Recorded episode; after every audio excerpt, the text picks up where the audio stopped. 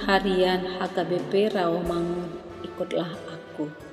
Selasa 4 Juli 2023 dengan tema Menyangkal diri demi keselamatan. Bacaan kita pagi ini tertulis di dalam satu Raja-Raja pasal 19 ayat 1 sampai 21 dan bacaan kita malam hari nanti tertulis di dalam 2 Korintus pasal 7 ayat 2 sampai 4. Dan kebenaran firman yang menjadi renungan kita hari ini tertulis di dalam Injil Markus pasal 8 ayat 35 yang berbunyi Karena siapa yang mau menyelamatkan dirinya ia akan kehilangan nyawanya tetapi barang siapa kehilangan nyawanya karena aku dan karena Injil ia akan menyelamatkannya. Demikian firman Tuhan. Sahabat ikutlah aku yang dikasihi Tuhan Yesus. Allah memberi kita kehidupan agar dipergunakan, bukan untuk disimpan. Jika tujuan kita adalah membuat hidup selama mungkin dan sedapat mungkin bebas dari masalah, maka kita akan kehilangan hidup kita sepanjang waktu. Namun, apabila kita mempergunakan hidup kita untuk orang lain, melupakan kesehatan, kekayaan, kenyamanan karena ingin berbuat sesuatu untuk Yesus, maka itu berarti kita memenangkan kehidupan kita sepanjang waktu.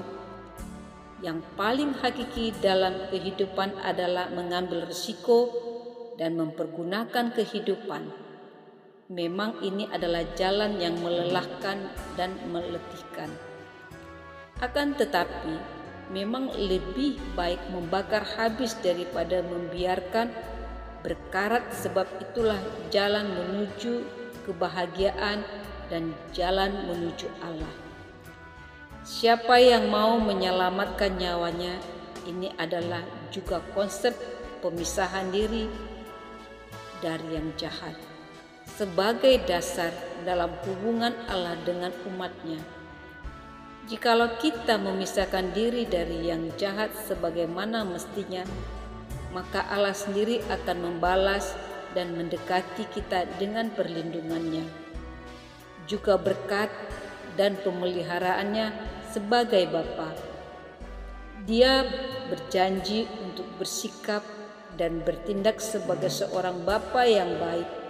Jika kita kehilangan nyawa kita, sambil tetap setia beribadah, berdoa, bersyukur, memuji, memuliakan, menyembah, dan melayani firman Tuhan, maka dunia tidak berkuasa atas hidup kita, karena Allah sudah menyediakan kehidupan yang kekal yang penuh sukacita dan damai sejahtera di surga.